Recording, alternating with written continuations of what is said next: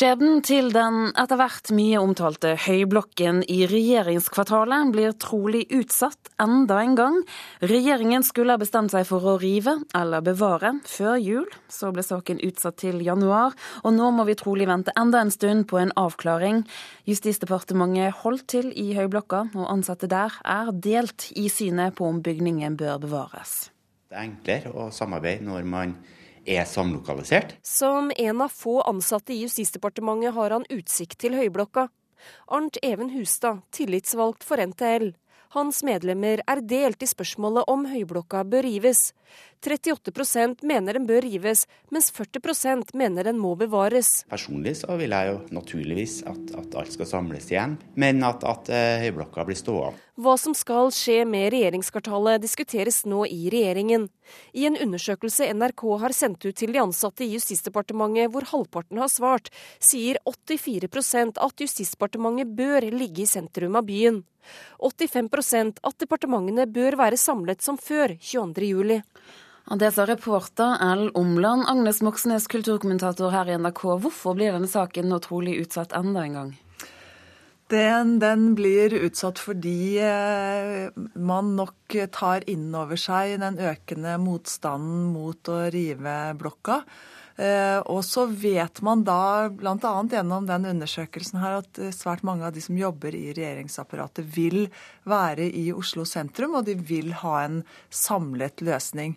Så det som skjer nå, og som kommer til å ta litt eh, tid, kanskje ut februar, kanskje til og med begynnelsen av mars, det er å utrede ordentlig skikk, eh, altså ulike alternativer. Enten å rive eh, Høyblokka eller la den stå. Eh, det er jo to departementer som ligger også, eller to hus som også ligger bak Høyblokka, når du ser den fra front. Og hva skal man gjøre med det? Hvordan skal det bygges opp? Så det jeg tror foregår akkurat nå, er, er, at man henter inn flinke folk på byutvikling og arkitektur, og, og ser hvilke muligheter som ligger i området der. Hvor nær er vi en avklaring, tror du? Jeg tror det kommer til å, å ta litt tid. Det var jo altså det som ble brukt som argument til å begynne med, var jo dette her at folk som jobbet i særlig Justisdepartementet, ikke hadde lyst til å flytte tilbake igjen til Høyblokka.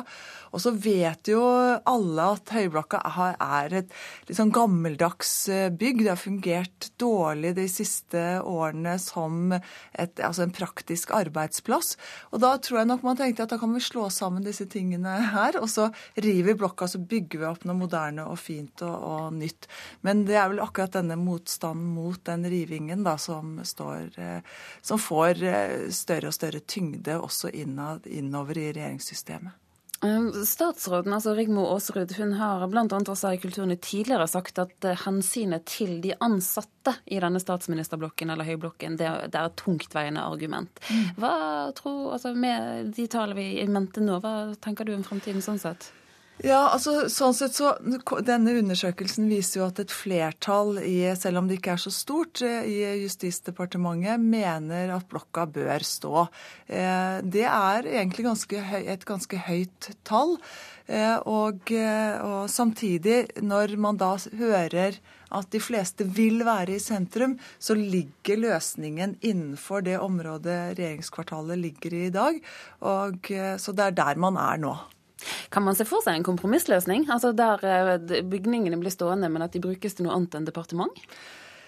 Det er vel sånn som eh, det ser ut nå, så er ikke det realistisk.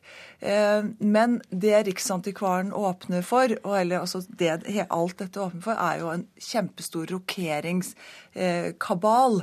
Eh, at statsministeren flytter ut av Høyblokka, at Justisdepartementet flytter ut av Høyblokka, at man pusser den opp skikkelig og gjør store forandringer innad, altså interiørt. Og så at andre departement flytter inn der. Det er vel liksom den kanskje mest realistiske løsningen. Agnes Moxnes, takk for at du var med oss her i Kulturnytt. Situasjonen for det italienske verdensarvstedet Pompeii er alvorlig. Tilstanden for byen som ble begravd av et vulkanutbrudd fra Vesuv i år 79, den forverres for dag, dag for dag. Nå kan byen få statusen verdensarv i fare. I ytterste konsekvens så kan byen miste hele verdensarvstatusen. I fjor kom Unesco med en rapport om tilstanden til Pompeii. Her kommer det bl.a. fram at arbeidet med å vedlikeholde byen er for dårlig. Forskningssjef Alex Barbé ved det franske vitenskapssenteret CNRS er ekspert på kulturarvspørsmål. Hun var en av forfatterne av rapporten, og hun peker på tre hovedproblem. Les restaurations ne vont pas assez vite. Elles n'ont pas toujours été bonnes dans le passé. Et il y a un problème uh, récurrent qui est le drainage des eaux qui n'est pas bien fait. Barbé sier til Sveriges Radio at restaureringsarbeidet går for langsomt, og mye av arbeidet som er gjort tidligere er for dårlig utført. I tillegg er dreneringssystemet så dårlig at kraftig regn fører til at marka siger ut og hus blir ødelagt. Og det var det som var grunnen til at Gladiatorhuset i byen kollapsa i 2010. Men i tillegg til dårlig vedlikehold er vaktene som patruljerer området for få og lite effektive.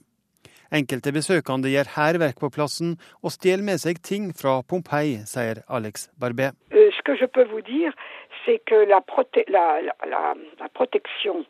euh, de Pompéi n'est pas toujours bien faite, dans la mesure où il y a eu, et il y en a encore, des vols de peinture murale notamment euh, dans Pompéi. Unesco har bedt italienske styresmakter det neste året overvake verdensarvstedene Pompeii, Herculanum og Torre Annunziata for å klargjøre om de bør settes på lista over verdensarv i fare. En slik klassifisering vil si at det som blir regna som grunnen for at noe er blitt kulturarv, er i ferd med å bli ødelagt. Klassifiseringa gjør det også mulig for Unesco å gå inn med penger fra verdensarvfondet. Dersom ikke noe blir gjort snart, risikerer Pompeii på lengre sikt å miste hele verdensarvstatusen. Men trass i det store trykket fra turister vil ikke Alex Barbé stenge Pompeii, siden det bare er et lite stykke av området som i dag er åpent. Men hele Pompeii må nå renoveres, sier hun. Mais je ne pense pas que ce sera fermé, simplement les gens verront de moins en moins de choses, surtout si il est évident qu'il faut euh, une, une, une, intervention d'équipe de restaurateurs pour euh, s'occuper à la fois euh, des bâtiments, des peintures murales et des mosaïques. I høst løyvde EU 105 millioner euro til opprustning av Pompeii. Og også Unesco vil trolig stille opp med hjelp til oppussinga. Sa reporter Espen Alnes.